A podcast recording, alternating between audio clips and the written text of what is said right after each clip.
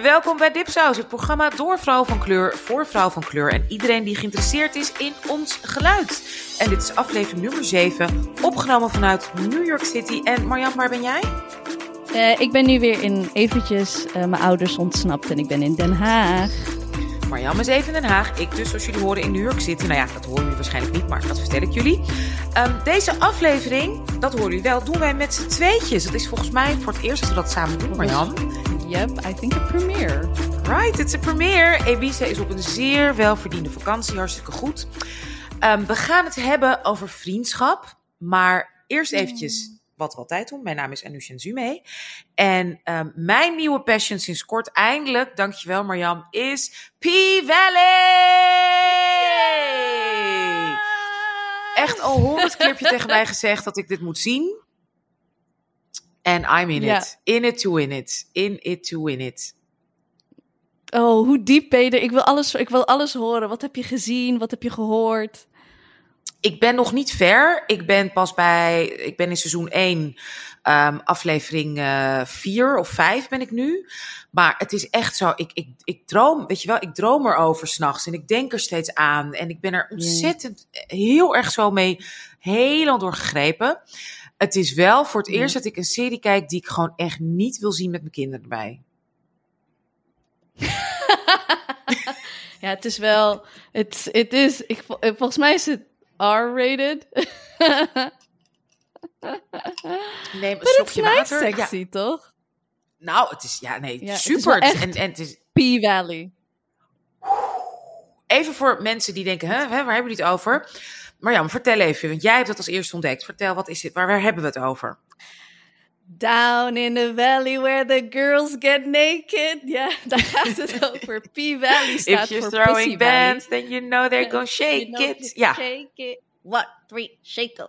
Ehm, het gaat over. ehm, het speelt zich af in Mississippi. En ik kan nu Mississippi spellen door Missis, Miss Mississippi. M-A, cricket letter, cricket letter I. Ehm, en het gaat over een st- stripclub. Run door een queer eh, persoon. En ja, het gaat. ehm, zij heet Uncle Clifford. En het gaat voornamelijk over. eh, ja, het, niet alleen het stripperleven, maar ook wat daarachter zit. En very, very, very black. Very southern black. Dus niet bougie black, zoals je een beetje gewend bent van Insecure. Ehm, divers in ook, zeg maar, binnen de groep zwarte mensen, zwarte vrouwen. Ehm, divers als het gaat om gender. Divers als het gaat om de relaties die mensen met elkaar hebben. En alle trials and tribulations eigenlijk. En ja, en speelt zich eigenlijk allemaal af in de script club en die heet The Pink. yes, Ja. de pink. En ja, het, het, is, het, het, het, is, het zijn ook, act- ik bedoel, het is, in, het, het, het, de writing is misschien niet altijd even, zeg maar, hè? Ik moet even inkomen, Mhm. natuurlijk fantastisch. Ik, ik ben, ik, ik hou heel erg van, eh, van, van tv-series. Je moet wennen aan de stijl. Het is een beetje, hè, het heeft een beetje, het doet me ook een beetje denken aan, zeg maar, maar goed, goede kwaliteit telenovelas. Hè, het, is, Ja. het, is, het zijn hele duidelijke archetypes ook allemaal. Ehm, eh, dus inderdaad, je hebt een hele religieuze moeder. En die is ook echt zo, dus zo heel toxic religious. En Ja, inderdaad, zeg ja. maar, de, de, de, de quote-unquote, die ze steeds allemaal noemen, high yellow en de red bone, de light-skinned Ja. beauty. En die is ook, weet je, het, is, het, is- het zijn een beetje allemaal archetypes nog. Autumn Night. zijn ze heet ook Autumn Night en ze heeft een geheim. En dat is ook, het is allemaal vrij duidelijk. Maar het is gewoon supergoed. En ik vind vooral die Uncle Clifford, die rol, die, die, die acteur, die dus inderdaad de Mm. queer. eh, eh, nou ja, ik weet niet of. Ja, het is een zij of een hij. Ja, Uncle Clifford is ook Ja, zo, heel interessant. Zij is. is she, her. Oké, nou, zij is ook echt geweldig. Fantastische ac- actrice, acteur. Ehm, ja, echt heel erg onder de indruk. En, en wat ik ook heel geweldig vind, het is ook voornamelijk door vrouwen gemaakt, hè, door zwarte vrouwen. Ja, sowieso geschreven door Katori Hill. Ja, Katori Hall. Ze heeft, dat was eerst een toneelstuk. Was, bijzonder, was, ja, was een eh, populair toneelstuk. En ze heeft het helemaal zelf eh, vormgegeven. Dus inderdaad tot een serie. En eh, veel vrouwen ook als producers, regisseurs, muziek. Mhm. Natuurlijk de beauty, de coördinators. En, en ook de... Ja, het is, het is ja, echt geweldig. Ik zit er echt helemaal in. Ik zit echt te wachten tot ik weer mag Dit doet me kijken. zo goed. Dit doet me zo goed. En wist je dat Mercedes ehm, was eigenlijk een retired dancer in real life? En zij doet echt het dansen zelf. En je kan op haar. Ik zou nog niet op haar Instagram kijken, want dan kan je spoilers zien. Maar wat die vrouw, zeg maar, met, om haar lichaam, om dat aan te kunnen. Het geeft je ook, zeg maar. Het, ehm, ook in het liedje zeggen ze. "Mhm, grind harder, but bitches grind harder. Dat zegt zeg van deze vrouwen die werken zo, zo hard. Ehm, niet alleen als je je je kan voorstellen als stripper daar, maar ook gewoon de acteurs. En dat kan je wel echt zien. Die acteurs die doen heel veel zelf. Miss Mississippi niet, maar ehm eh, Keyshawn. Eh, maar Mercedes die doet het echt allemaal zelf. En ze zijn allemaal zo mooi. Ze En zijn de make-up is mooi. En het licht doe- is mooi. En doet die High Yellow, eh, doet die ook alles zelf? Nee, die, nee, Ik- nee, nee, nee. Nee, hè? Nee. Die, hoe heet, Nee, ja, Autumn. Night. Nee, dat, eh, ik, ik vind haar. Ik, ik, weet nog, ik, ik ben een paar jaar geleden ben ik al begonnen met kijken, omdat ik hoorde al dit moet je zien, is interessant en vrouwen. Maar ik vond haar, dus inderdaad die hoofdrolspeelster, die vond ik niet interessant. En toen heb ik alleen keek ik de pilot een heel deel en toen dacht ik, eh. Toen knap, knapte ik een beetje af omdat ik haar niet zo vond. Ehm, maar ik neem aan dat ik heb het gevoel dat haar rol steeds kleiner wordt, toch? Het gaat volgens mij steeds meer hopelijk over de andere. Nou, ja, ik ga het niet zeggen, maar ze Oh, heeft een rol. Oké, nou ik hoop dat ze beter gaat kijk, spelen. Wat leuk is, is iedereen, ja, weet je, no one kind of fucks with her anyways. Dus dat je kijkt en denkt zo van, ja, ik ook eigenlijk niet, is echt een beetje, ehm, het is bijna gemeen, weet je wel? Ja, ik, ik, ik, ik vind haar niet, niet geweldig. Ik, Mercedes vind ik echt een briljant personage. Vind haar zo- Geweldig. maar wat een... Kan je nagaan, dus zij is niet eens officieel actrice, maar zij is een fantastische acteur. Zij speelt echt geweldig. Zij is echt een, eh, een soort van, zij was een retired dancer. Nou, ik vind haar topacteur. Die moeder vind ik eh, eh. interessante rol, maar ehm, nog niet dat ik helemaal weg ben van hoe ze het speelt. Anke Clifford steelt wat mij betreft helemaal de show. Mooi. En eh, Lil Murder vind ik ook geweldig spelen. oh, Echt. ik hou zoveel van hem. Ja, hij speelt zo goed. Ja, Oh, wauw. En, en wat je... Seizoen 2, Anusha, is gonna blow your mind. kan niet wachten.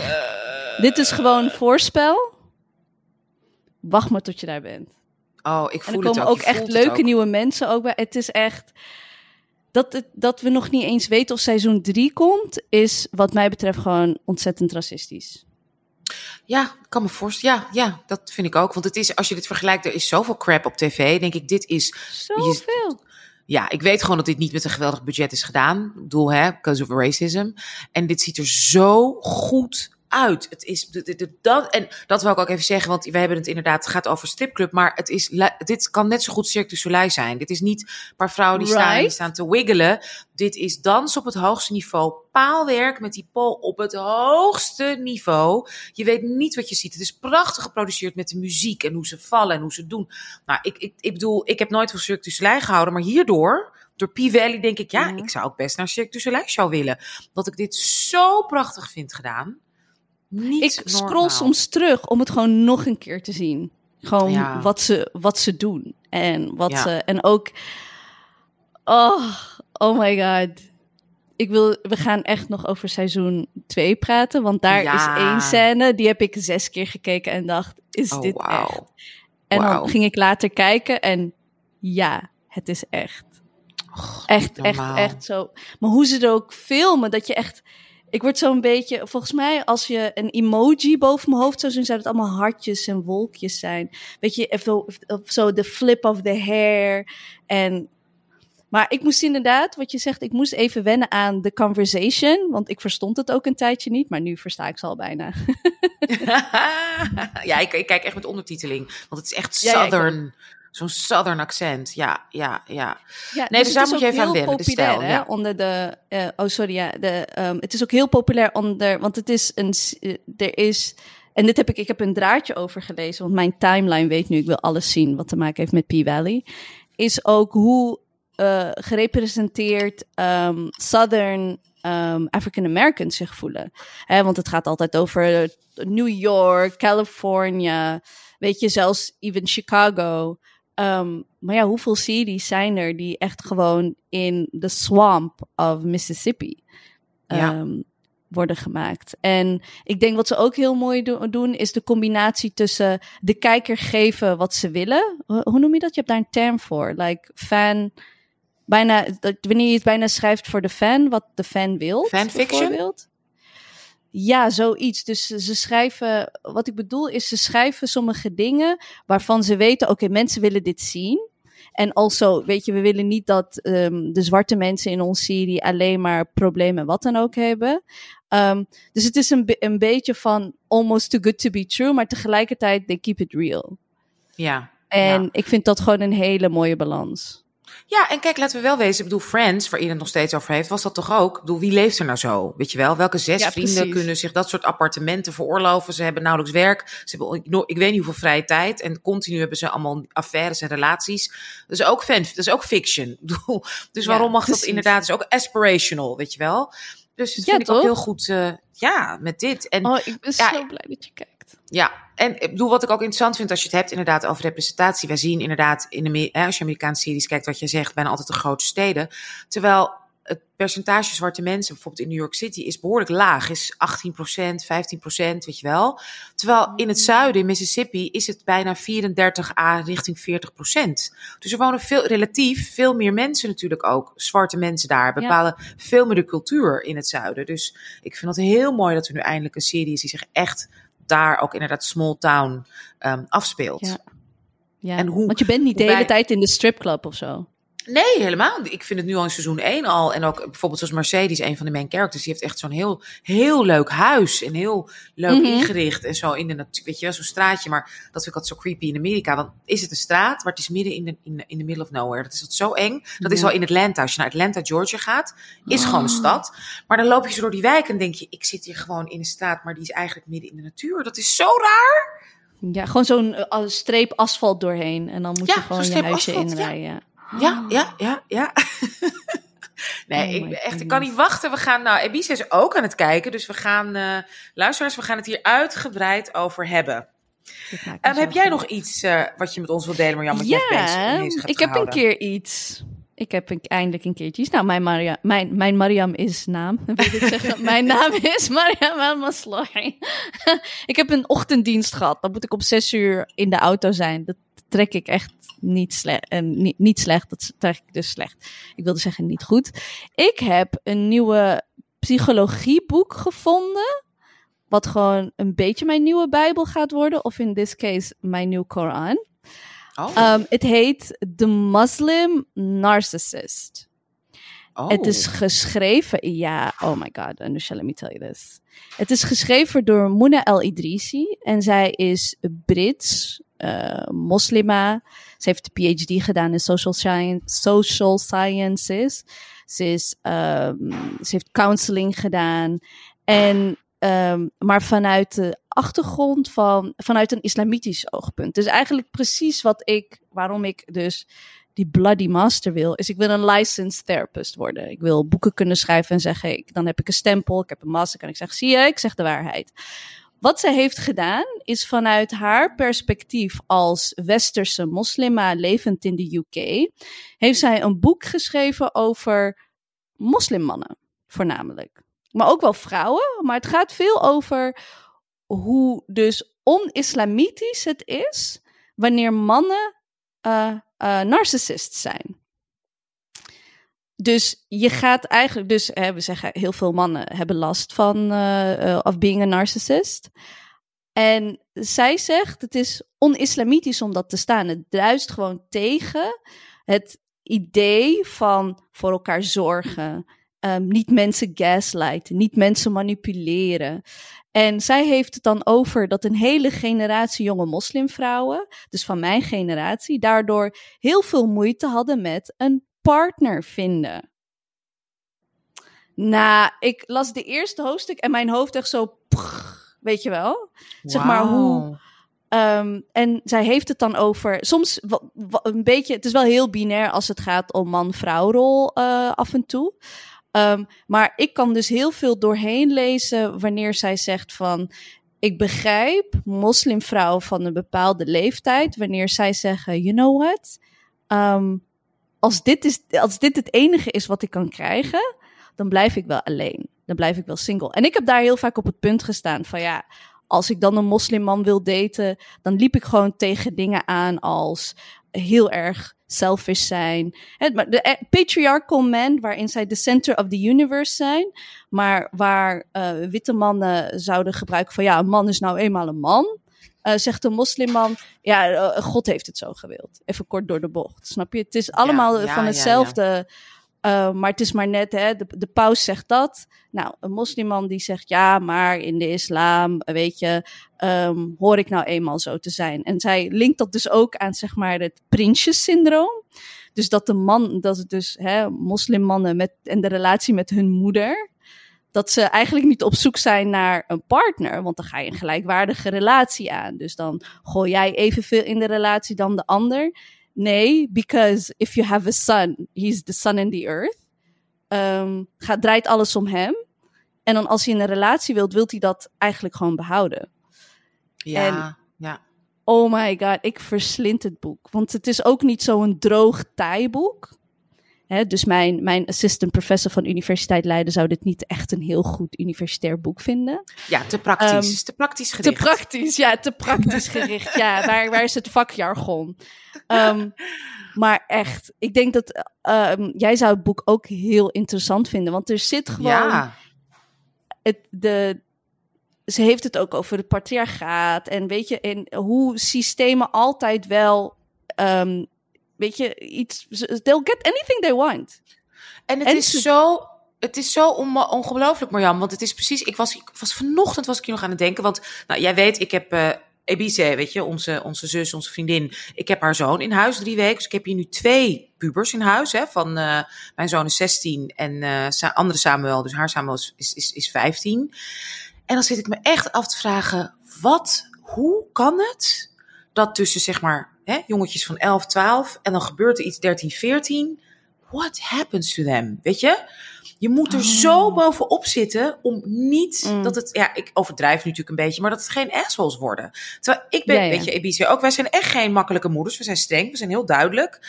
Maar je moet, het is, en dat ik echt denk, dit zijn echt, dit zijn echte boodschappen die ze krijgen van buitenaf. Van ik ben alles, ik mag uitlachen. En, en in die puberteit is het natuurlijk allemaal een beetje extreem. Dat ik echt denk, ik moet ze echt. Nou ja, ik had jullie in de appgroep, in onze appgroep, in onze Dipsas appgroep ook. Ik, ben, ik drill ze. Opstaan. Je moet tanden poetsen. Je moet dit. Je moet je handdoek opruimen. Je moet dit. Je moet continu. Dat ik denk, ja, ja otherwise, dit worden gewoon geen leuke humans. Precies, ja. Terwijl zijn kinderen En als ze dan hetero zijn voor, weet je. oh ja, ik heb het over twee hetero's dan... hier. Althans, dat denk ik. Maar snap je wat ik bedoel? Ja. Nou, het zit echt heel zo, diep.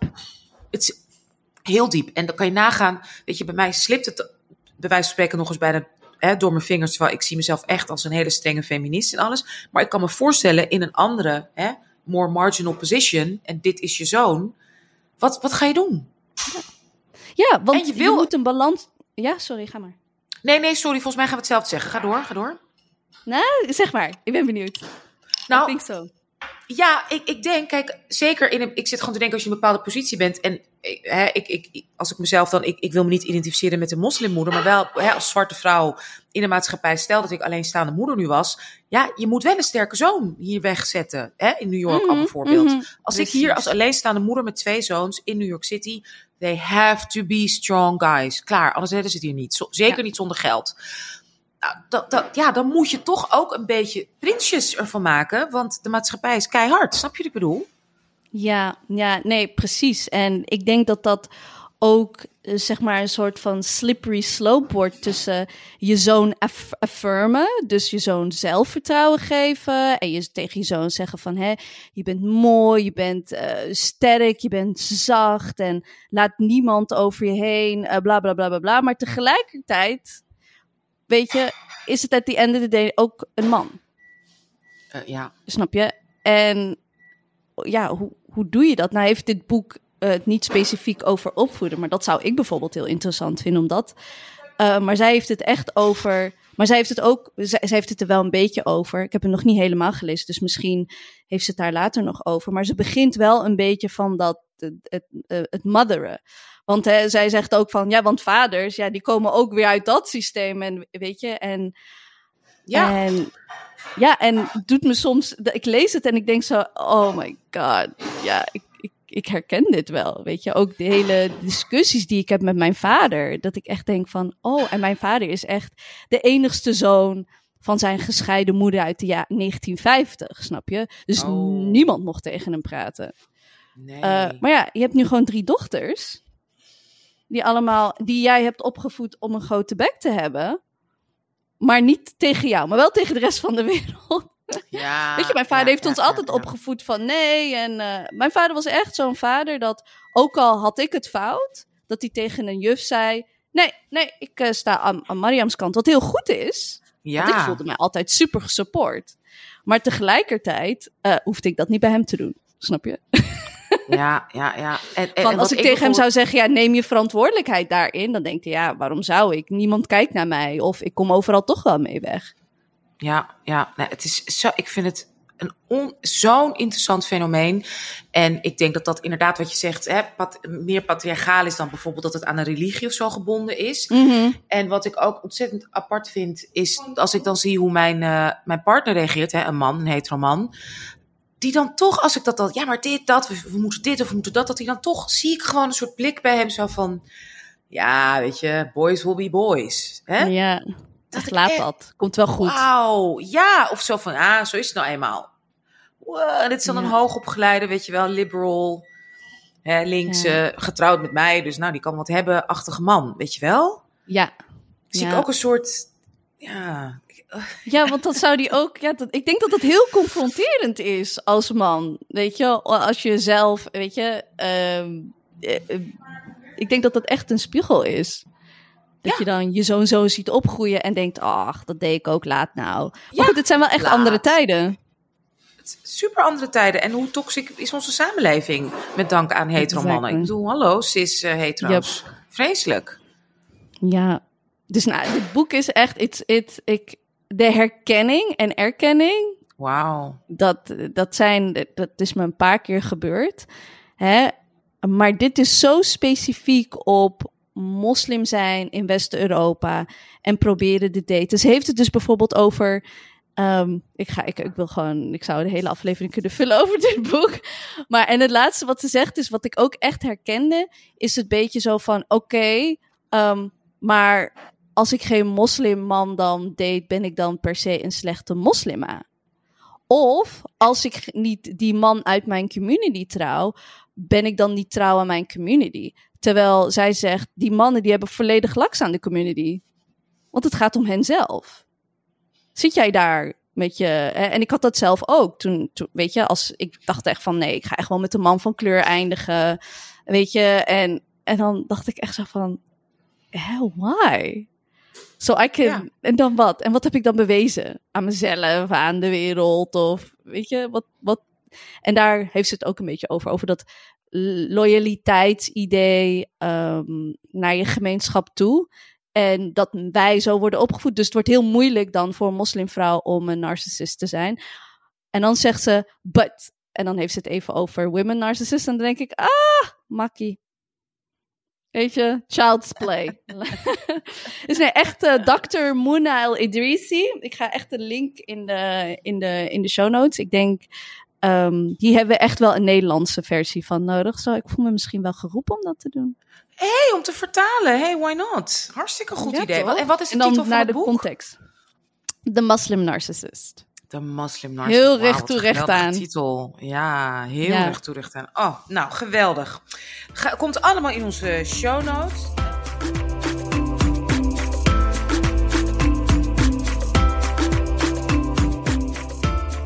Welkom allemaal bij Dipsaus Nieuwe Staal. Ik vind het altijd wel heel leuk dat wij 30 minuten verder zijn met alle dingen die we hebben gelezen en gezien. En dan gewoon doodleuk 25 minuten laten zeggen, welkom! Welkom. Hey, hallo! Eh, dit is de zevende aflevering sinds onze samenwerking met Podimo. En ehm, ga naar www.podimo.nl forward slash dipsaus. En dan krijg je, ehm, als je het via daar doet, krijg je nog zes maanden. Maar dat gaat op een gegeven moment weg. We weten niet wanneer. Ehm, dus ik check hem ook wel eens af en toe. Hij staat nu Ja. nog op zes maanden. But it could go anytime en dan wordt het drie maanden maar. Kan drie maanden worden, maar nu is het nog zes maanden. En vergeet je ook niet te abonneren eh, op onze nieuwsbrief. Dat kan natuurlijk via dipsaus.org. onze nieuwsbrief staat hè, natuurlijk onze show notes. Dat hebben we in deze aflevering besproken. Maar ook uh, andere artikelen eventueel. Winacties hebben we, evenementen, playlists. En natuurlijk onze eigen Dipsaus exclusives. Dat zijn essays of recensies of artikelen. Of misschien wel een hele vertaling van uh, de Moslim Narcissist. Oh, inshallah, inshallah. Inshallah. en als je dan inlicht op de Podimo-account, laat daar likes en hartjes en knuffels en gewoon die knop indrukken. Want heel erg belangrijk. Zien mensen ons. Ja. Absolutely. Nou, wij gaan met elkaar in gesprek, Marjam en ik, met z'n tweetjes. Dus inderdaad onze première samen. En we gaan het hebben over vriendschap. Want Dipsaus is eigenlijk opgericht vanuit natuurlijk een behoefte. Maar ook vanuit een vriendschap. Van bijna zelfs zusterschap, kan ik zeggen. En nou ja, wat, wat, wat betekent die vriendschappen hè, voor ons en voor elkaar? Um, wat betekent het ook specifiek voor ons natuurlijk als zwarte vrouw, vrouw van kleur, uh, Afrikaanse vrouwen? Um, en hoe zijn we in onze families opgevoed als het mm. gaat om vriendschap? Wat, wat, wat hebben we gemeen met elkaar in onze opvoeding, wat juist niet?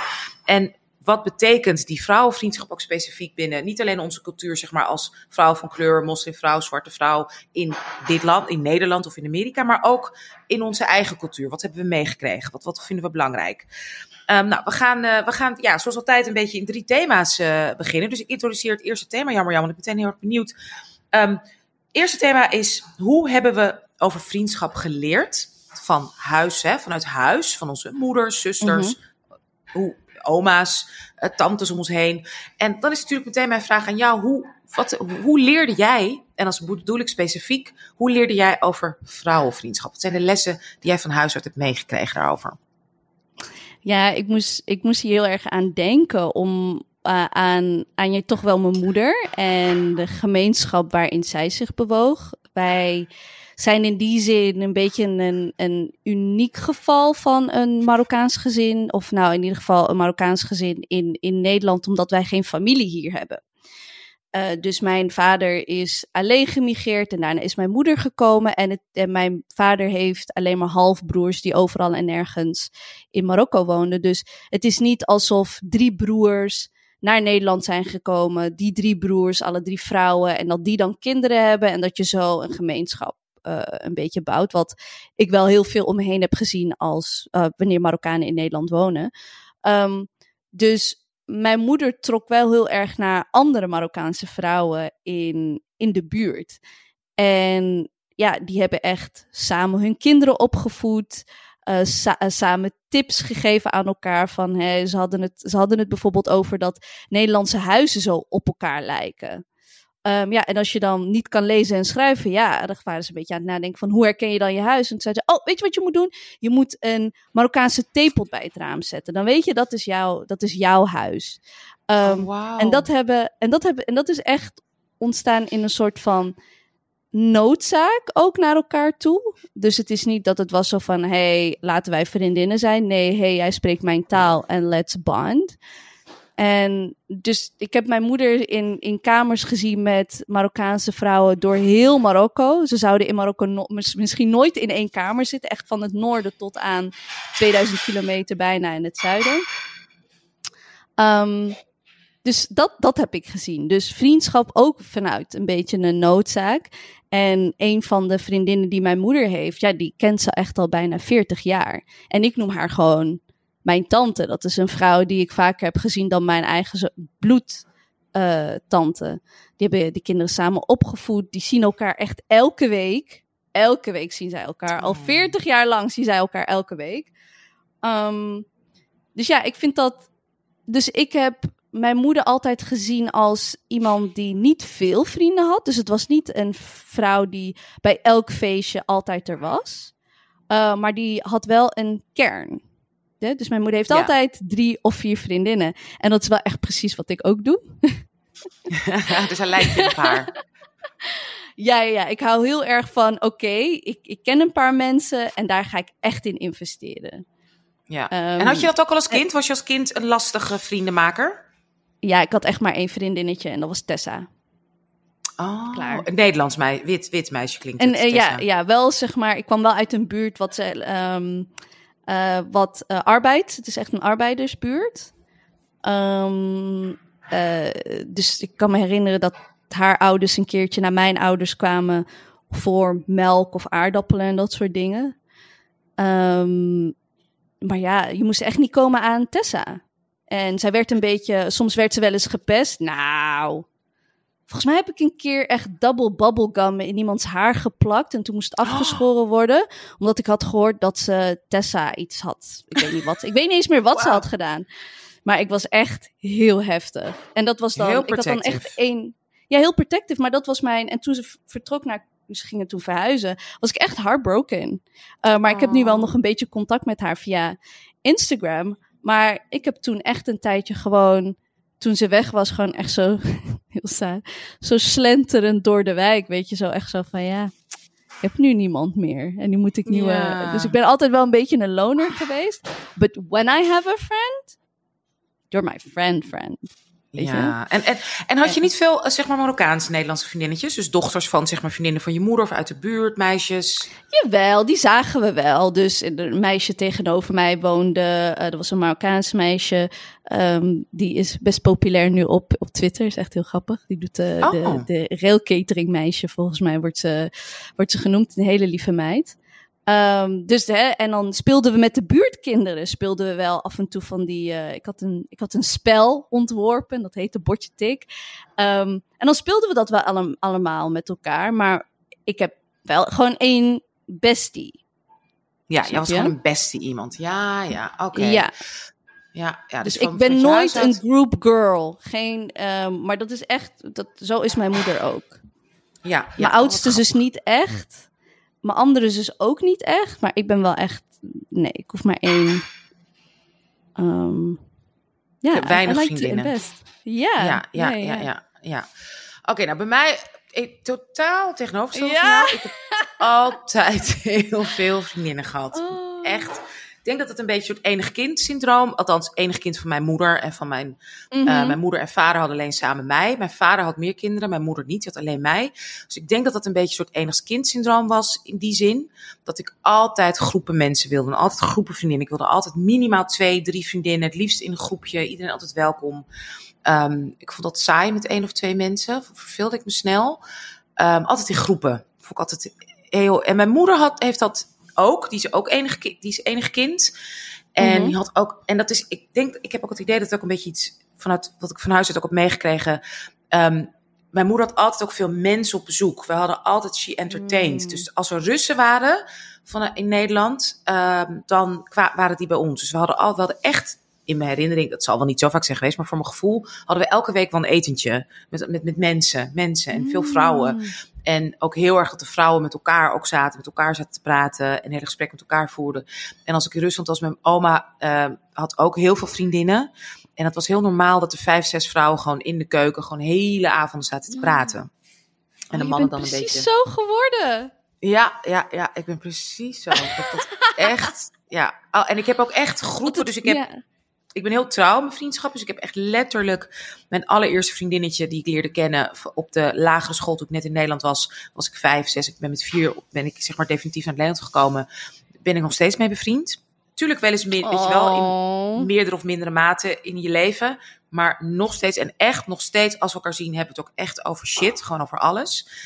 Uh, Mm. Maar ik heb dus inderdaad nog hockeyvriendinnen. Ik heb vriendinnen van de lagere school. Ik heb vriendinnen van de middelbare school. Ik ben daarna naar een andere middelbare school. Vriendinnen, vriendinnen van de kleinkunst. Weet je, gewoon echt groepen mensen altijd verzameld. En zelfs mijn eerste penvriendin, want ik ben van de generatie voor, voor het internet.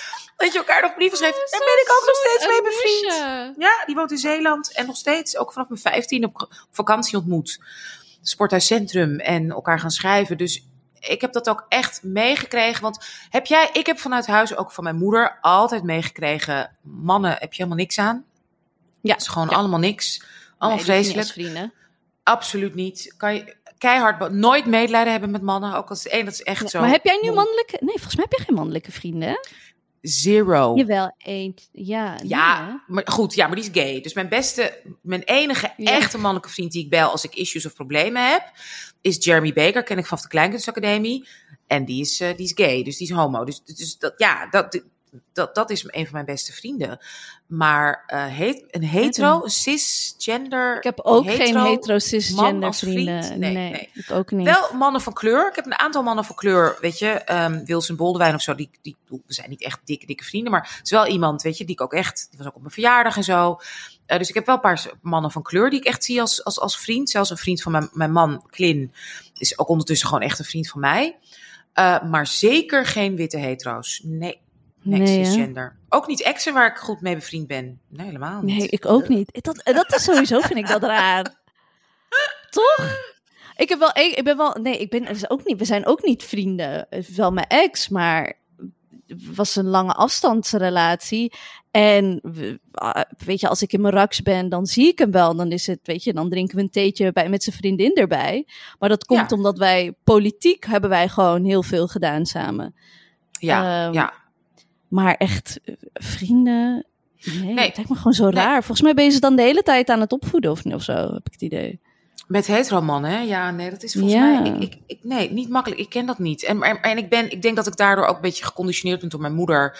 die dat ook altijd zei van... oh nee, met mannen moet je nooit medelijden hebben. Echt nooit. Ja, Mijn moeder zei ja. ik wilde absoluut geen zoon. Als ik een jongen was Oh. geweest... I don't know what would have happened to me. Echt was, denk ik, verschrikkelijk geweest. Oh, Eh, Oh. Hoewel, nou ja... Misschien maar, hè, als man natuurlijk niet, weet je. Is altijd makkelijker. ja. Maar, en ook wel ehm, haar dus- zoon. En haar zoon. Dus ik heb wel echt geleerd van eh, It's All About Women. Dus ik herken, want ik ben benieuwd, als je kijkt om je heen, hè, maatschappelijk. Mhm. En ehm, laten we een beetje naar, hè, volgens mij gaan we nu op een soort mooie manier ook naar eh, thema 2. Eh vrouwvriendschap, hè. laten we kijken naar onze cultuur. Laten we even het ook cultureel bekijken. Mhm. Ik heb het idee dat in een westerse cultuur leer je, dus ik neem westers even heel breed, hè, Noord-Europa, Amerika. ehm, ja, eh, de, de krabbenmand en vrouwen mogen elkaar niet. En oeh, eh, catfight en vrouwen zijn altijd op elkaar. En ook als je in series kijkt, altijd ruzie op in Amerikaanse series, gaat het altijd om vrouwen die ruzie hebben om een of andere kerel. Weet je wel? En dat is hoe ik cultureel vanuit zeg maar Rusland, ook als ik kijk naar Russische tv of Russische films, maar ook als ik kijk, hè, de, de, de keren dat ik in Cameroen ben geweest, ook als kind en als jongere, scha- eh, is dat niet zo? Is dat echt een heel ander narratief? Hoe, hoe is jouw narratief Ja. geweest, cultureel, als je kijkt naar vrouwenvriendschappen versus wat we hebben meegekregen en opgegroeid in het Westen? Ja, nou, ik, ik, ik herken dit, want er was een tijdje heel erg in om te zeggen van, oh nee, ik ben echt one of the boys of zo, of ik wil niet echt, ik heb niet echt vrouwvrienden, want het is zoveel drama en wat dan ook, terwijl ik echt een van de meest dramatische beings vind ik, mannen. Ik bedoel, die huilen al als je zegt zo van, je mag niet aan mijn reet zitten, dan is het al drama. So I think they're the most dramatic beings. Mag ik wat zeggen? Ik was met Stan mee zijn pak opmaken of meten. Ja. Stan, je partner, hè, waarmee je verlo je verloofde. Mijn verloofde. Ik wil nooit meer horen dat vrouwenkleding ingewikkeld is. Want hij, ging een, hij gaat een pak laten maken voor onze bruiloft. En dan stelde die meneer vragen. En dan keken ze ook naar mij zo van, wat vind jij, moet daar vier, zes of acht knopen? Moeten er dingetjes aan de binnenkant van de broek? Moet er een knoop buiten de broek of Ja. binnen de broek? Doe je een flapje bij de zak of geen flapje bij de zak? Welke stof moet in de nek, wat je niet ziet? You don't ever see it, maar er moet een apart... eh, nou, welke knopen moeten dan? Nou, ik weet niet hoor, deze knopen, maar die knopen zitten, ja. ja, maar je wilt er niet zo. Welke kraag? Anusha, ik wil het nooit meer horen. Ja, ja. Mannen Ik- pakken... mijn- Ja. Maar eh, snap je dus de, dat hele idee van ja, vriendschappen met mannen zijn zoveel gemakkelijker of wat dan ook? Ik, dat, dat, ik, ik snap echt niet waar dat vandaan komt. Als ik kijk naar wat vrouwen voor elkaar betekenen in een, laten we zeggen, post-colonial Marokko, because it's not post-colonial, you fucking need each other. Because men don't give a shit about you. Ja. En Ja. als, al, en dat, dat, maar dat is ook toch dat witte vrouwen zogenaamd denken dat Trump hun gaat redden. No, Ja. they won't. They, men won't save you. Nee. They won't help Nee, you. They won't. Nee. Ja, maybe if they er, wanneer ze echt verliefd op je zijn. en ik geloof Ja. best wel dat je dat je een gelijke relatie kan hebben tussen twee hetero, hetero mensen, man en een vrouw. En dat er geen sexual tension en dat, dat, dat, dat daar. Ik, ik zeg niet van je kan niet vrienden zijn met een hetero man als hetero vrouw. Dat is niet wat ik zeg. Maar wat er wel in de westerse wereld een beetje, wat vrouwen zichzelf, witte vrouwen zich soms ook hebben aangepraat, is ja, vrienden tussen vrouwen is altijd zo dramatisch. Of zo. Altijd dramatisch, ja, vreselijk, altijd zo lastig. En kijk, ik snap wel, kijk, vanuit het patriarchaat gezien, wij zijn natuurlijk altijd tegengehouden en tegengewerkt. Mm. En inderdaad, hè, vilified letterlijk. En uh, onze relaties met elkaar zijn natuurlijk, hè, want hey, verdeel en heers, maak, maak het lekker stuk. Dus als, dat, als, als inderdaad het, het construct bestaat dat vrouwen niet met elkaar kunnen omgaan, is het natuurlijk een stuk makkelijker voor mannen. En exactly. je hebt die, en helemaal als je die man economisch en sociaal en maatschappelijk nodig hebt om iets te betekenen. Ik bedoel, laten we wel wezen, ook in Nederland tot de jaren zeventig konden vrouwen niet hun eigen bankrekening openmaken, openen. Dus ik bedoel, dan ben je nogal afhankelijk van die kerel. Dus als Mhm. jij niet wordt gekozen en jij wordt misschien wel oude vrijster, I get it. Dat, dat was in die context, was dat, was het ook echt heel erg. Daar gaan natuurlijk ook heel veel toneelstukken over. Mhm. En, um, maar dus een vrouwenvriendschap is dan een gevaar. Is altijd, ik denk dat een gezonde relatie tussen vrouwen is natuurlijk altijd gevaarlijk geweest voor het patriarchaat. Ja. Nou, ik, ik, ik zag dat echt wel af en toe in, in, in mijn familie. Wanneer bijvoorbeeld een. ehm, je ziet, ze zijn er gewoon heel erg van bewust van. Alleen ga je het niet redden. Dus als je zes vrouwen hebben, hebt, bijvoorbeeld, die B zeggen. Dan kan je die ene man, die ene patriarchale man in dat gezin, die al twintig jaar lang de dienst uitmaakt, dan kan je hem aan. Maar ons wordt zo lang verteld dat dat niet lukt, of we hebben geen voorbeelden gezien van dat het überhaupt kan, dat, dat we het niet eens meer aandurven. Nee. En, ehm, maar er zit zo een kracht in vriendschap tussen vrouwen. Ik bedoel, kijk naar Dipsaus, maar kijk ook naar zoveel andere initiatieven in Nederland wanneer vrouwen bij elkaar komen. Ja, Ehm, en wanneer we dat loslaten, wanneer we zo bezig zijn met andere dingen, ben je opeens je abortusrecht kwijt. ja. En het- het- ik denk dat ik dit gevoel echt het meest had van wanneer ik zie hoe rechts witte vrouwen stemmen. Ja. Ja. Vrouwen van Nee. kleur, voornamelijk zwarte vrouwen, voornamelijk bijvoorbeeld in Frankrijk, voornamelijk moslimvrouwen, stemmen het linkst.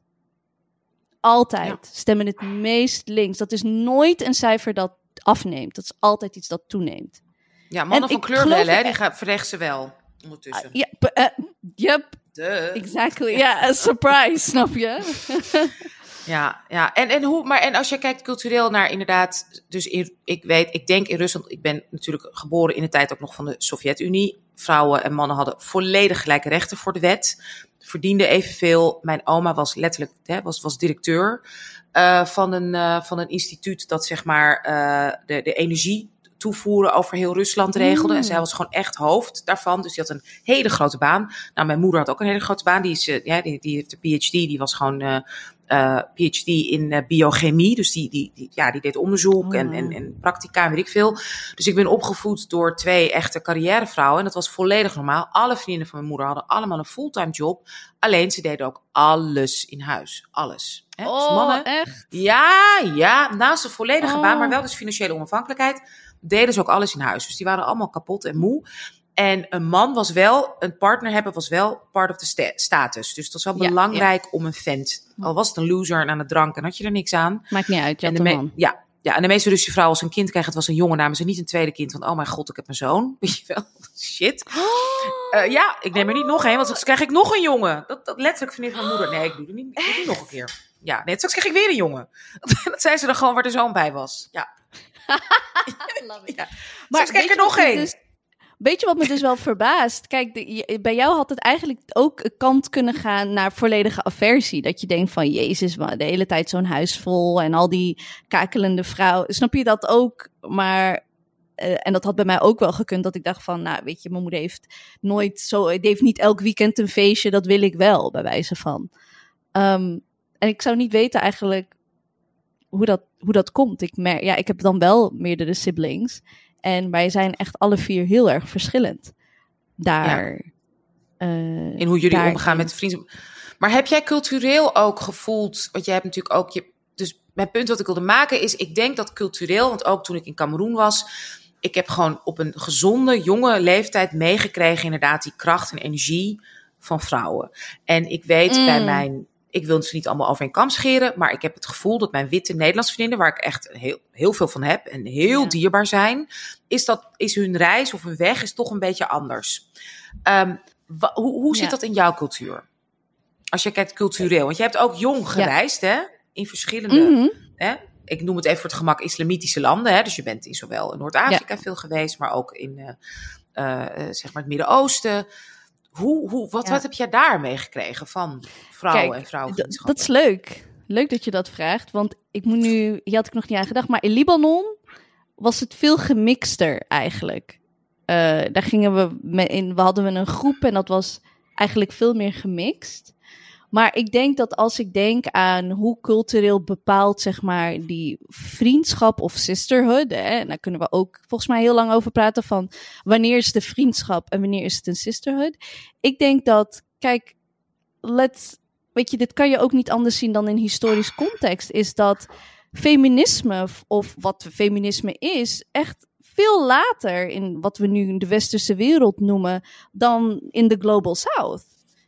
Ehm, snap je dat, dat, hele, dat hele binaire, eh, zeg maar, man-vrouw, ja, hè, dat, ik wil niet zeggen dat dat volledig alleen maar van kolonialisme kwam, maar dat werd ontzettend daardoor versterkt.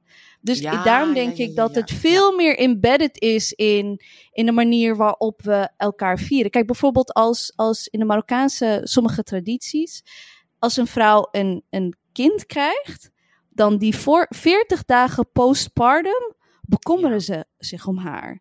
Maar op de Ja. manieren waarin ze haar buik wordt gewikkeld en getrokken, gemasseerd. ehm, en heel veel mensen gooien dat op, ja, eh, geen healthcare of zo. Maar, ex- excuse me, de eerste, de eerste ziekenhuis dat werd gesticht was in wat we nu weet, kennen als Irak. Snap je? Nee, we wisten al heel veel, maar dit is die postpartum, wat nu doulas heel veel doen. Weet je, nu hebben ze, ze hebben nu toch in het Westen ontdekt dat je een kindje een beetje strak moet wikkelen in een doek. Of dat je een kind op een rug kan dragen. Excuse me? Excuse Ja. me?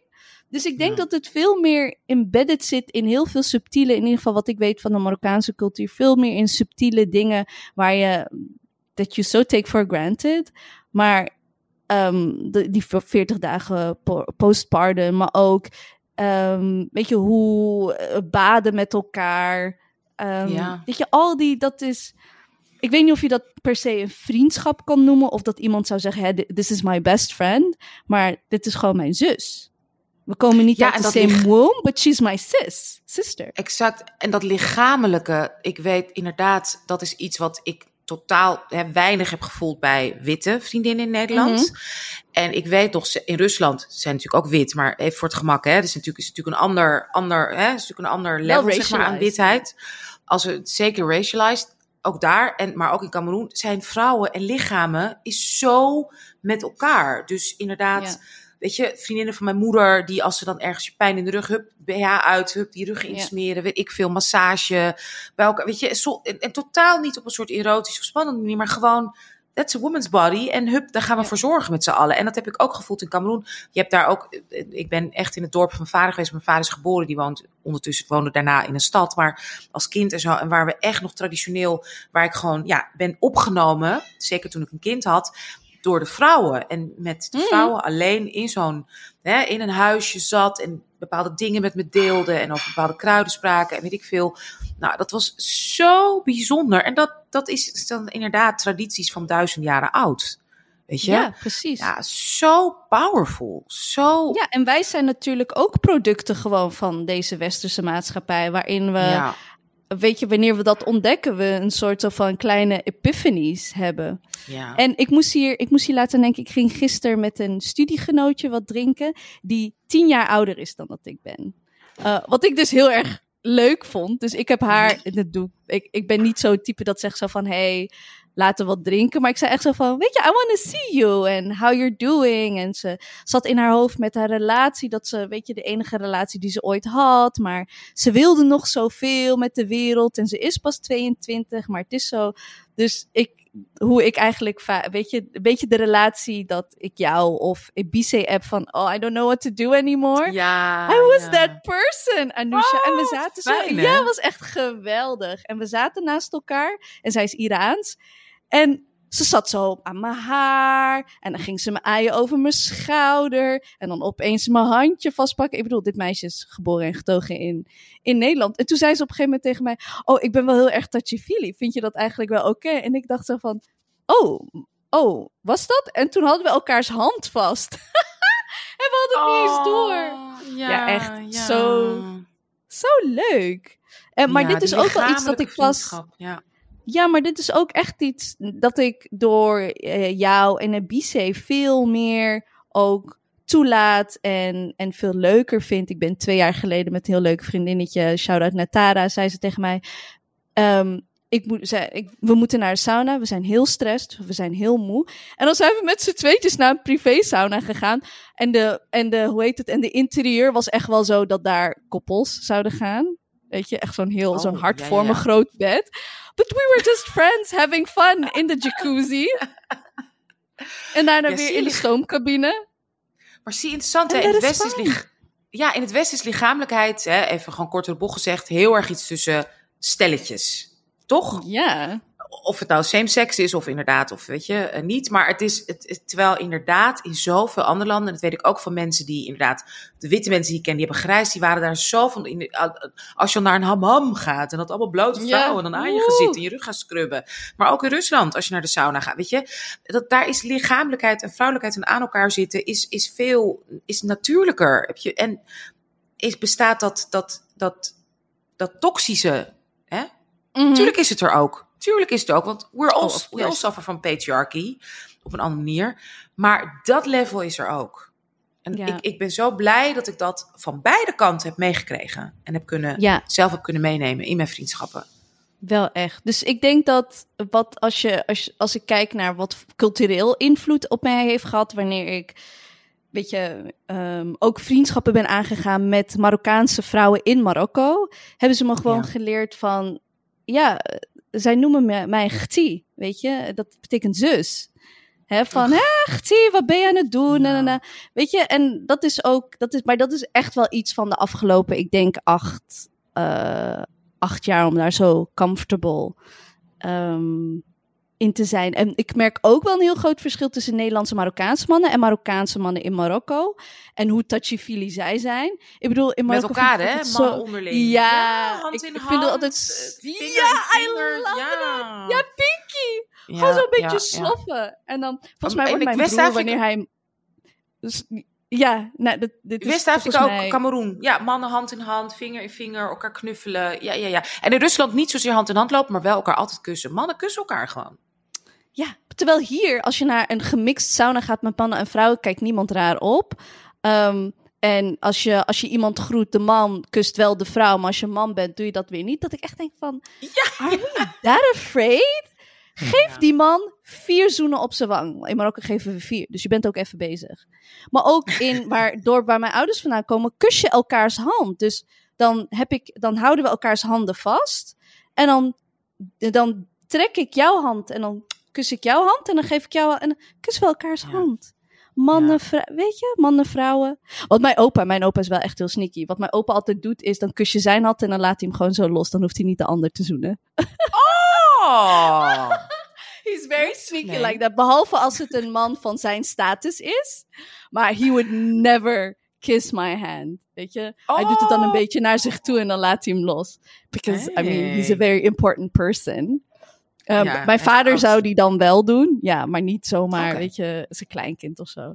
Maar dat is ook veel, weet je, so much more. Of kusjes op de voorhoofd, weet je? Ja, kusjes op het en gewoon zo'n knuffel. Of even, zelfs iemand aanraken, even op het been of weet ik veel. Ja. Dat is echt iets wat ik Of gewoon doe, een kus ik. op de lippen.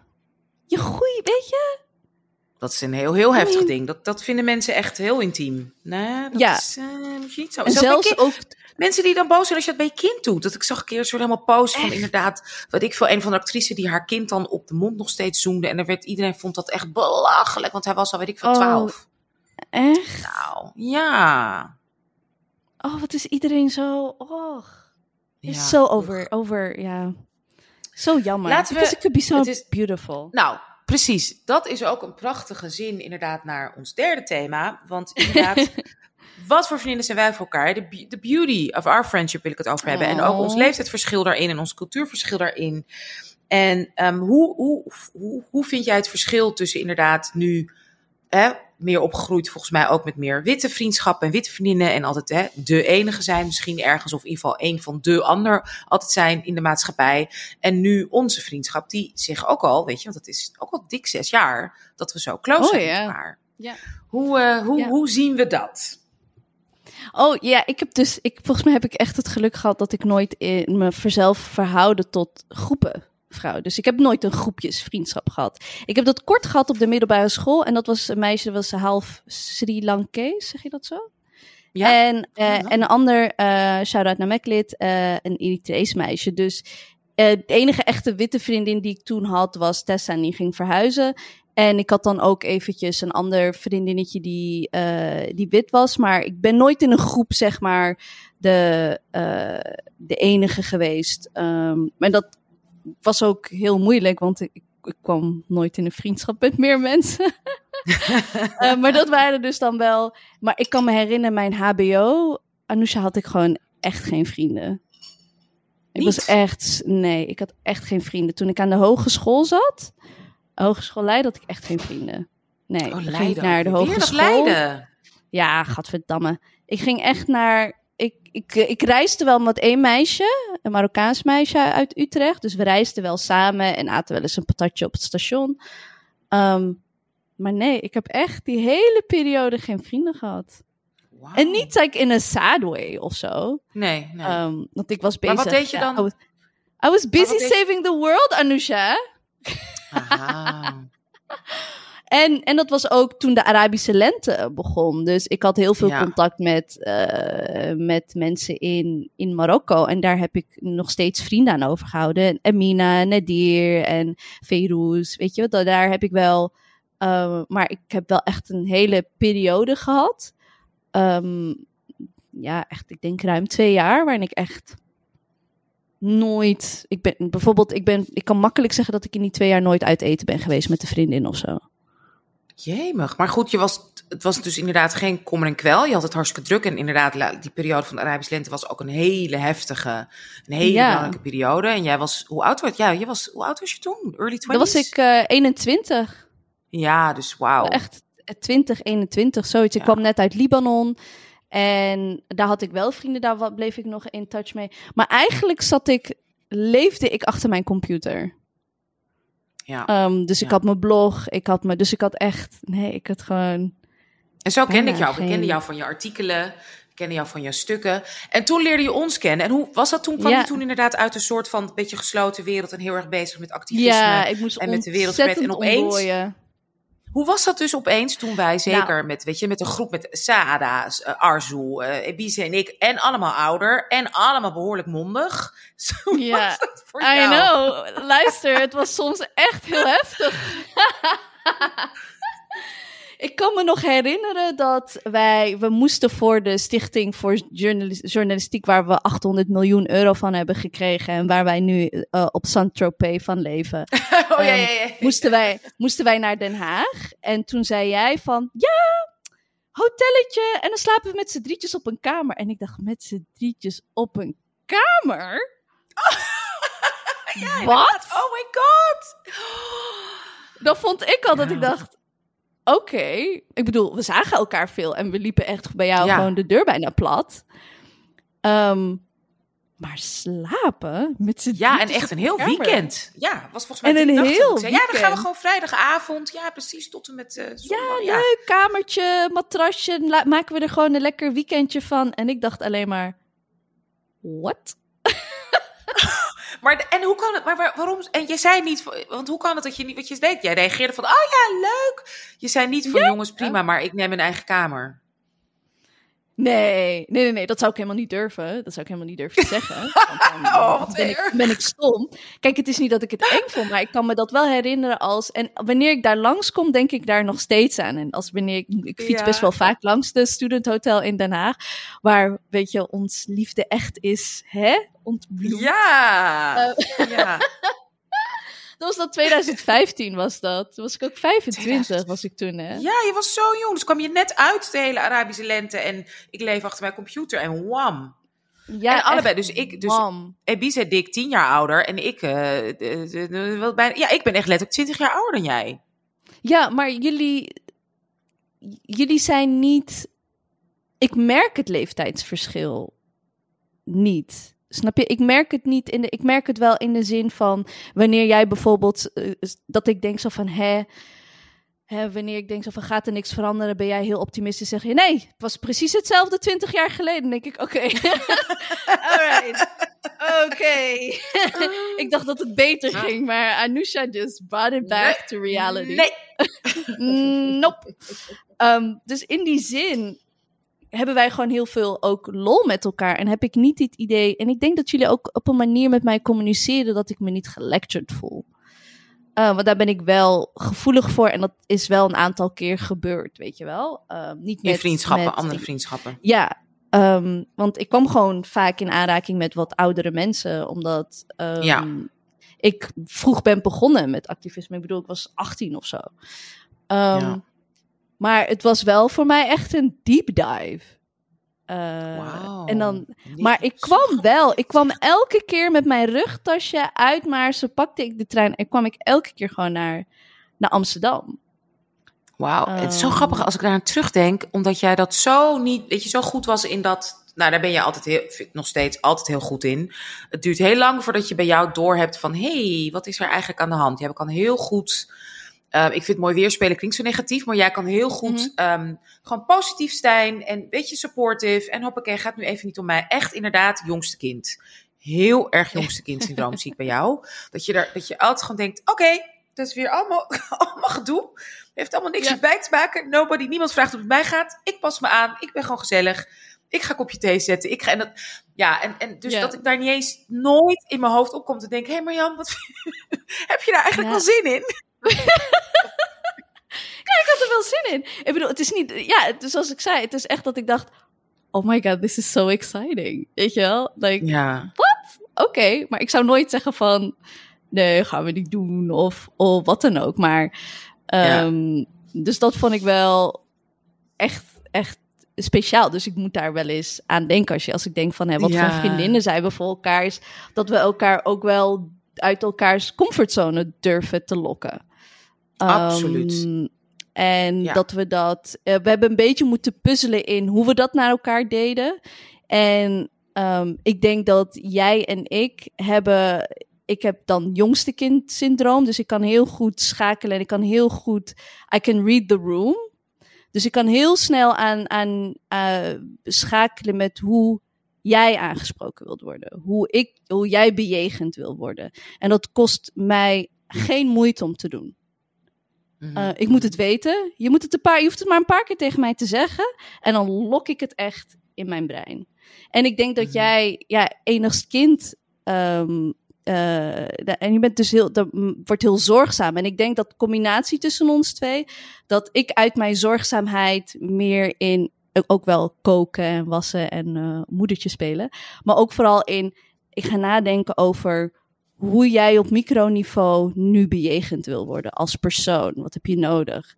Ehm, en jij kan dat heel mooi in een beetje dat, dat zorgzame, dat, in die warmte. Heb ik je zo Mhm, goed mhm. geanalyseerd?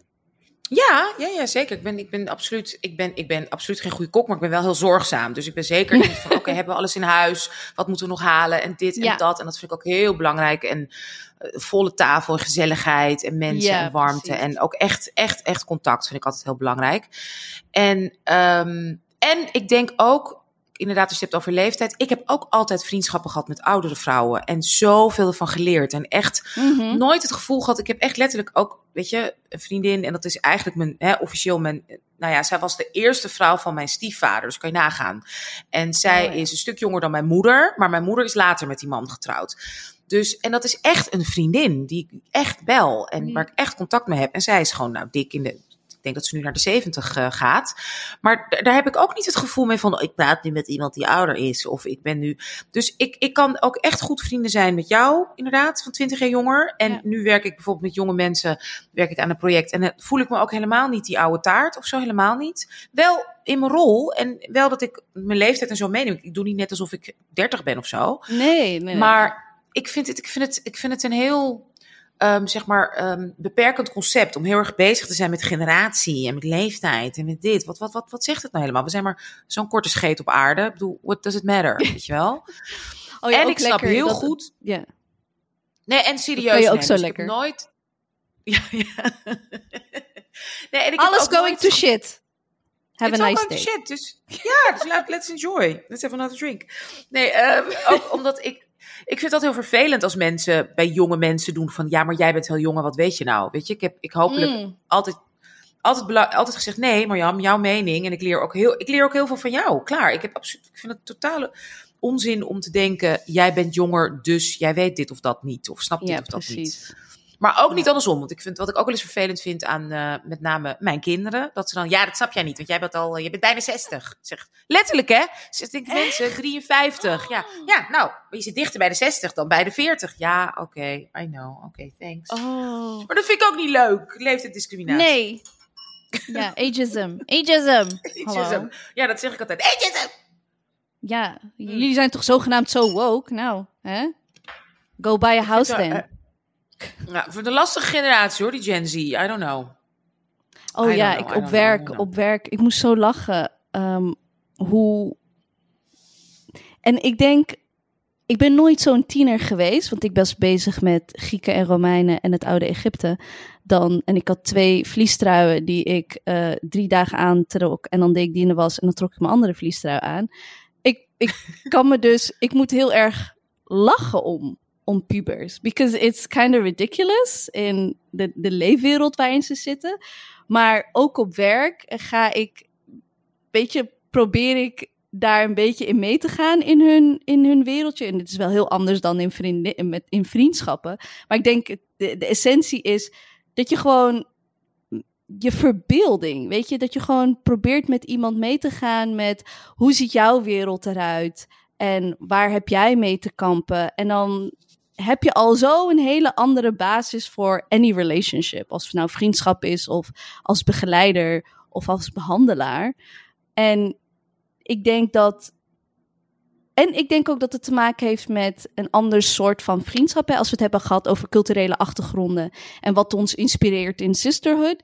Wat ik dus ook wel een beetje bij witte vrienden zie, uh, witte vriendengroepen is. Je bent vrienden met de mensen die dezelfde levensfase hebben. Dus je, gaat, je bent alleen Ah, ja, bevriend ja, ja. met mensen die nu samen gaan wonen. En dan gaan we met z'n achten, hè, dus vier koppels, gaan we daarna een huis kopen. Dus dan hebben, kunnen we het daarover hebben. Dus de eerste stap is, we gaan het allemaal hebben over, we gaan samenwonen. Daar hebben we het allemaal over. En daarna gaan we het allemaal over hebben van wat voor een huis je hebt gekocht en welke laminaten en wat je aan, op die muur en da, da, da, da. En daarna ga je het hebben over uh, kinderen en dan ga je allemaal met z'n allen um, een zwangerschap yoga doen. En dan uh, heb je tieners en dan ga je allemaal scheiden. Snap je? Dus ik geloof niet in. in ik geloof niet in zulke relaties die alleen maar gebaseerd zijn op wat je meemaakt en wat is je levensfase. Ik denk ook al. Snap, begrijp je wat ik bedoel? Dus, ja, ik begrijp heel goed wat je bedoelt. Helemaal. Kijk, ik, ik, ik denk dat ik, ik zie het. Ik, ik geloof heel erg. Ik denk omdat ik natuurlijk ook jarenlang heb heel veel heb gespeeld, de actrice. Um, is ook heel erg en-en. Dus je kan, ik kan echt fantastische gesprekken, vriendschappen herinneren met mensen waarmee ik toerde. Drie maanden lang of vier maanden lang. Of zes maanden lang. Of sommigen zelfs wel eens een show opgegaan van dertien maanden. En dan daarna zie je elkaar letterlijk nooit meer. En één vriendin, toevallig waarmee ik dat had. We waren dertien maanden lang dikke, dikke vriendinnen. Ik was ook heel close met haar partner. Die zat ook in onze voorstelling. Die was uh, saxofonist. En dat was zo'n mooie vriendschap. En letterlijk daarna hebben we elkaar nog eens één, twee keer gezien en uit het oog verloren. En laatst was ik in Engeland voor een Oh. filmfestival. En hebben we weer na 20 jaar, nou wat zeg ik, 25 jaar weer bij elkaar aan tafel gezeten. En het was letterlijk alsof het gisteren was. Weet je? Oh, Dus ik- ik- heerlijk. Oh, dus ik geloof wel dat ook zelfs in een periode of in een fase kan het Mm. ontzettend intens zijn. En betekent het, is het, is het natuurlijk niet hetzelfde als hè, sommige van mijn vriendinnen die ik letterlijk van mijn zestiende ken. Maar die liefde en die diepgang, kan, daar, Ja. dat moment, die spanning, ja, daar geloof ik wel in hoor. En ik heb ook wel met ouders, witte ouders bij mij uit de buurt, waar ik een hele close vriendschap mee had, omdat we allemaal gewoon kleine kinderen hadden. Maar inderdaad, je groeit uit elkaar, want die kinderen veranderen ook. En nu Ja. zijn het mensen die, ik- weet je, die ik gewoon sommige zeggen nog dag, sommige niet eens. Met sommigen heb ik het ook echt uitgemaakt, omdat ons, we toch echt te verschilden. Dat ik ook echt heb moeten zeggen, ja, sorry, dit, weet je, dit, ik moet ook aan mezelf denken en wat dit met mij doet. Ehm, maar die intensiteit en wat we hadden, vind ik, vind ik gewoon heel erg, heel erg waardevol. Dus ik denk dat dat, ehm, ja, soms, ik geloof heel erg wat je zegt, het Mm. kan gefaseerd zijn. Maar dat betekent niet dat het niet heel waardevol is. Ja, ja, nee, zeker. Zeker. Ik denk ook, Zeker Ehm, met kinderen. Ja, hè? ja, ik denk dat ook. ik denk ook kinderen, gewoon omdat ik ja. geen kinderen heb, dat ik me dat niet kan, kan voorstellen. Maar ik kijk gewoon om mijn vriendengroep heen en dan zie ik bijvoorbeeld jou en eh. Jullie zijn allemaal hè, ge- al getrouwd eh, en eh, kinderen. Maar ik heb ook allemaal vrienden die dat totaal niet hebben. Nee. Snap je? Dus ik ben Ja. binnen mijn vriendengroep ben ik de enigste bijvoorbeeld die, die gaat trouwen. Ja. Ehm, eh, snap je? Dus dat, ik denk dat daar misschien het grootste verschil is. En, dit vind ik wel interessant, vriendschappen uitmaken. Ik heb dat één keer gedaan en was daar best wel eventjes heartbroken van. Ik Ja. bedoel, mensen doen Ja. veel dramatischer. Als je tegen iemand zegt, ja, ik heb die, eh, een vriendin gesproken en ja, we, we spreken niet meer. Is dat veel minder heftig dan als je zegt, ja, het is uit met mijn vriend. Terwijl, volgens mij, ja, ik ervaarde dat wel als echt wel een, een, een heartbreak. Oh, ik ook. Want ik heb ik ook voelde een me keren ontzettend- uitgemaakt. Ja. ik voelde me ontzettend eh, verraden. En dat is wel iemand die ik kende vanaf de middelbare school. Maar die het gewoon. Ja, en ook mm, eh, best wel heftige mental issues. Waar ze echt in behandeling voor, voor ging. En ik heb er echt bij gestaan. Maar wat jij zegt, ja, ik moest ook aan, ik moest ook aan mezelf denken. En, maar ook de vriendschap was een beetje gebaseerd op. ehm, dat zij het altijd zo fijn vond that I didn't judge. But I was continuously judged all the time. Um, Ja, en dat, en dat ging zo uit balans op een gegeven moment. um, dat ik echt dacht van, maar ik, ik heb geen zin om haar te zien. En ik zag haar Nee. ook maar twee of drie keer in het jaar. Maar zelfs die twee en drie keer vond ik al te veel. ja, nee, dan is het echt klaar. Tot Dat- aan dat dat- ik in het moeilijk. ziekenhuis lag. En she managed to make it about her. Ja, Toen heb ik echt gezegd, ik hoef je gewoon echt nooit meer te spreken. En, En is ja, dat als hoe- ik in Maarsen ben, ik denk ik wel eens, dan denk ik wel eens aan haar. Dat ik denk van, oh stel, ik zou er tegenkomen of zo. Ja, maar ik weet wat ik denk. Kijk, sommige mensen die dwalen dan gewoon af. Hè. Die reageren niet meer of die gaan steeds minder appen. Want het is hè, quote-unquote heel eng om het uit te maken.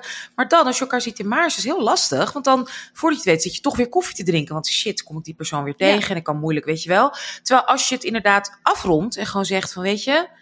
Dit werkt gewoon voor mij niet meer om die en die, die reden. Ja, het is heel eng en het is lastig. Ik heb het ook een aantal keer gedaan. Maar daarna, wat ik zei, dus dus iemand met wie ik dat heb gedaan. En toen ik weer in Nederland was, dacht ik ook, straks kom ik diegene weer tegen. dacht ik van, oh, dan zeg ik gewoon vriendelijk gedag. Want dat Ja, heb ik ook zo gezegd tegen die persoon. Van, hé, hey, het is niet dat we niet beleefd en ook, weet je, ik respecteer heel erg wat we wel hadden. Maar dit en dit en dit is voor mij gewoon, ja, ben ik het gewoon niet mee eens, zeg maar inhoudelijk. Tussen hoe jij erin staat, hoe ik erin sta in het leven.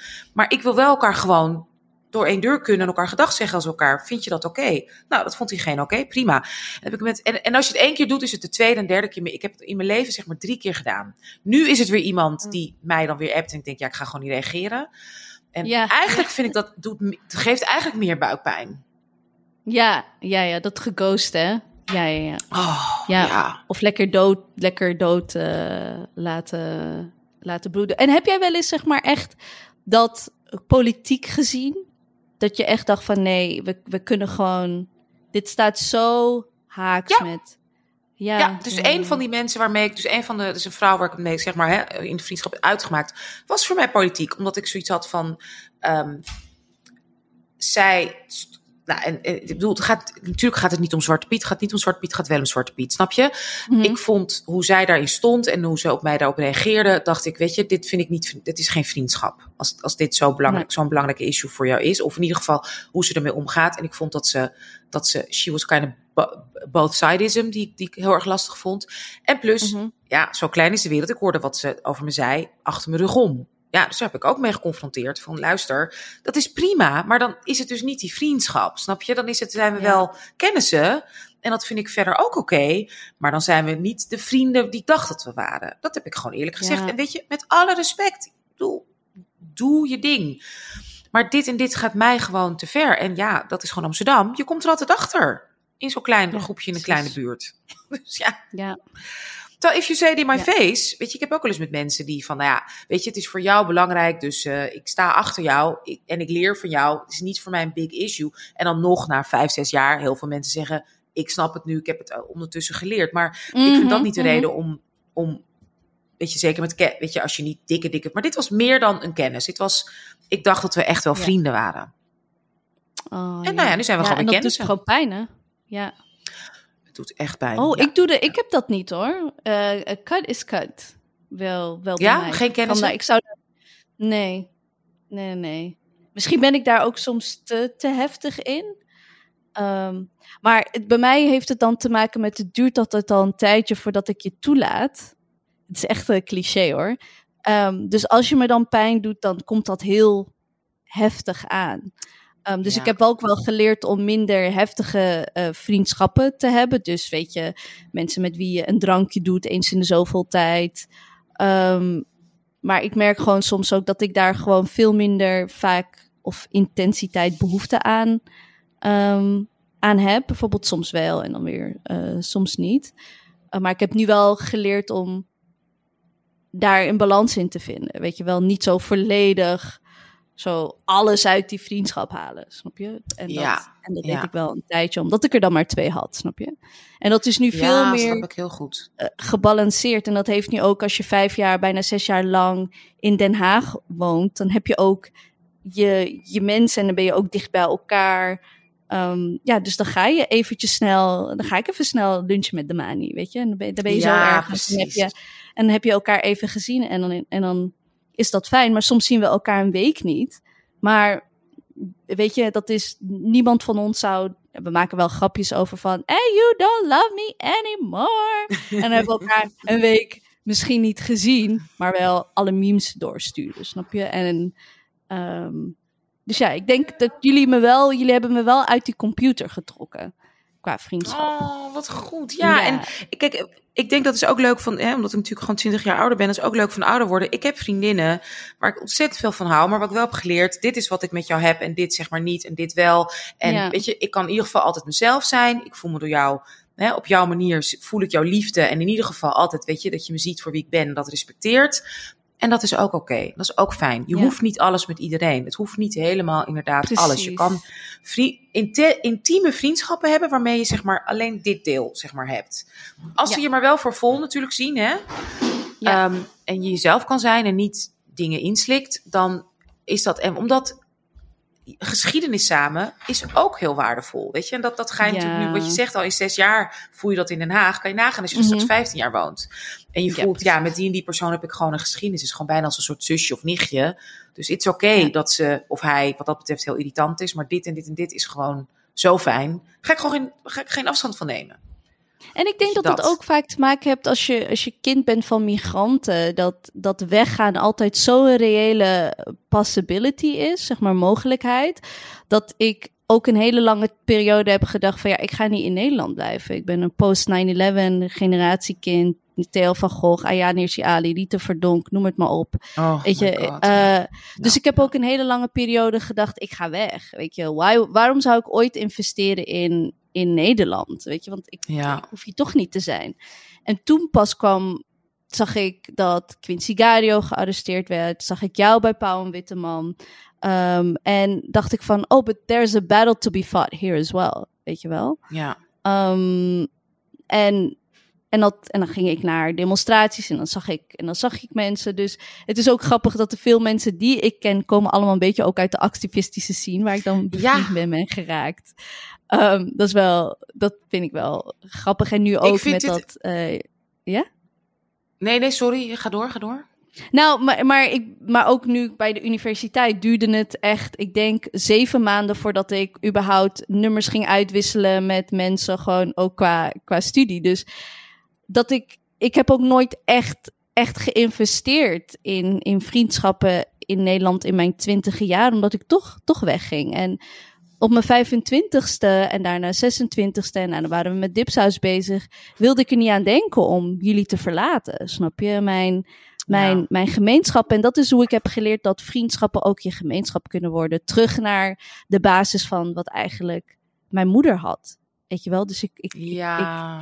ik ben zo lang als volwassene gewoon in Nederland. En ik zie mijzelf echt, ja, wel gewoon with my people.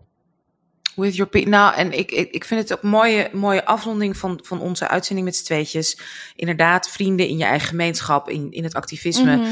Het heeft mij ook ontzettend veel goed gedaan, inderdaad, om... eh, Toen ik begon met, met voor het eerst uitspreken over racisme in Nederland, was het natuurlijk net voor, hè, voor het grote internet, voor Twitter en zo.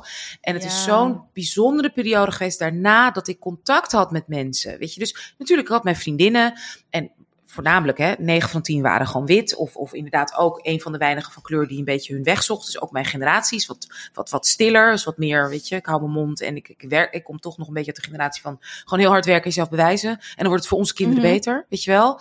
En ja, die belofte, als die niet wordt waargemaakt, is dat, is dat gewoon pijnlijk. Maar het was voor mij heel bijzonder dat vanaf 2010, 11, 12, dus echt gewoon met activisme en elkaar online vinden en leren kennen en hart onder de riem steken en supporten. Zo hebben wij elkaar dus ook leren kennen, weet je wel? Mhm. Dat we elkaar volgden en, en, en, en oh, wat een fantastisch artikel heb je geschreven en eh, te gek. En ja, dat toen ik jou voor het eerst zag, dat ik al wist wie jij was, weet je wel, van, van, eh, van, van Twitter. En dat ik dus, dus inderdaad daarom, door dat activisme en alles, ook zoiets had van, natuurlijk gaan we samen een hotel. We, hebben, we, zijn, we zijn helemaal goed samen. Ik, ik weet nog dat ik de dag daarna, nadat we die hele nacht dat stuk hadden geschreven, dat ik tegen mijn moeder zei, ik was de hele... Mijn moeder was al, had een, een mini star crush op, op Anousha nu nog steeds. She's still her favorite. Oh. En ehm, eh, dat, dat ik zo bij mama, ik heb echt de hele avond iets geschreven met Anousha Nzum- eh, Nzume. En mijn moeder echt... Little did she know, later we'd go to hotels and motels and Motels countries. en Paris en waar zijn we? Ja, in Zweden en Stockholm. Nou, ik ben zo blij met onze vriendschap, zo blij met onze en zusterschap. samen reizen. En- Ik reis altijd alleen. Alleen met jullie reis ik. Heerlijk, hè? En, maar ook dat we dat met elkaar kunnen. Dat hebben we ook. We kunnen niet alleen samen hotels en subsidies aanvragen en mooie programma's maken, maar ook samen Mhm. reizen. We had so Ja. much fun. Echt heel te gek. Nee, ik, ik wil je. Ja, mijn conclusie is eigenlijk een beetje voor iedereen. Nou ja, ik ben benieuwd ook wat jouw conclusie is, maar die van mij is toch van durf. ehm, inderdaad, vriendschap is investeren.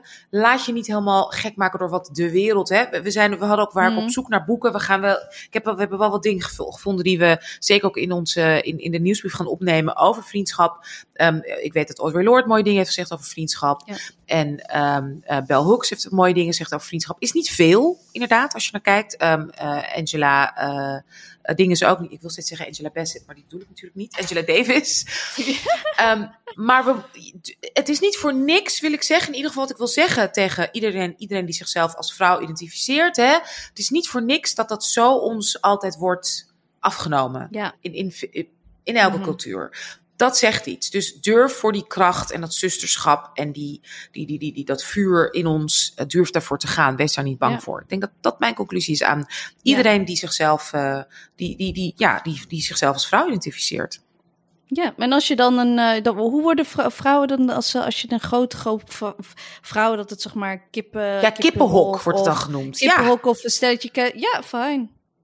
ja helemaal wat goed. een onzin. Helemaal mooi. Ja, ik me er ik helemaal. heb, ik heb in twee talkshows, die voor, nou drie, geprobeerd over vrouwen, voor vrouwen, door vrouwen. En altijd was het, ja, maar we gaan geen kippenhok worden. Terwijl ik altijd zoiets van, Ja. nee, dat gaan we wel worden. Mannen zijn een gigantisch kippenhok als ze het hebben over, weet je, cis, hetero man als het wit. Als ze het gaan hebben over sport. Dan zijn het, is het één groot kippenhok. Hoezo mogen wij dat niet zijn? What the bullshit. Ja, we praten met elkaar. we Ja, je moet mannen maar een voorbeschouwing horen. Die gaan een half uur Oh. lullen over hoe Ja. eventueel een voetbal zou, voetbalwedstrijd en hoe, hoe zit het met zijn Achilleshiel en da da da da da. Ik ben er echt van Oh. overtuigd, we zijn gewoon niet gewend om naar vrouwenstemmen te luisteren. En, nee, en nog erger, Marjam, ze doen het ook daarna. Dat ik denk van, joh, die wedstrijd is al geweest. What the fuck? Hoezo gaan we het nog een uur hebben over wel, niet en de bal is rond en dat doe... It, it happened. Het is klaar. Ja. Over. Ja. Dus nee, En als- dat. Precies. En, en daar gaan we over klagen. Zo, zolang vrouwen niet hetzelfde mogen doen. So I don't want to hear it. Nee, precies. Ga- zij mogen een uur klagen, wij mogen ook klagen. Dus dat zijn onze conclusies.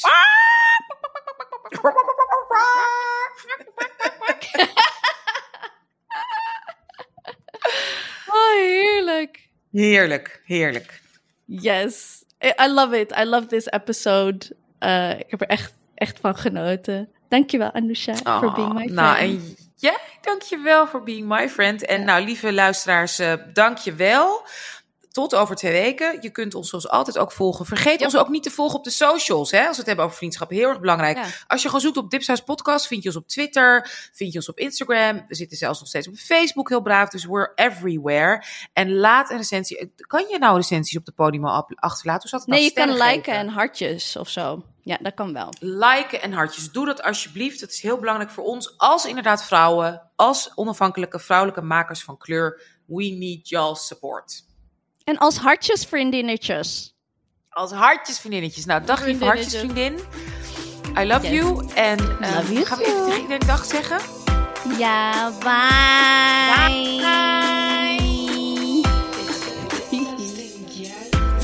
She's my best friend. Got a whole nee, nee. nee. Eh, als we de rechten hadden.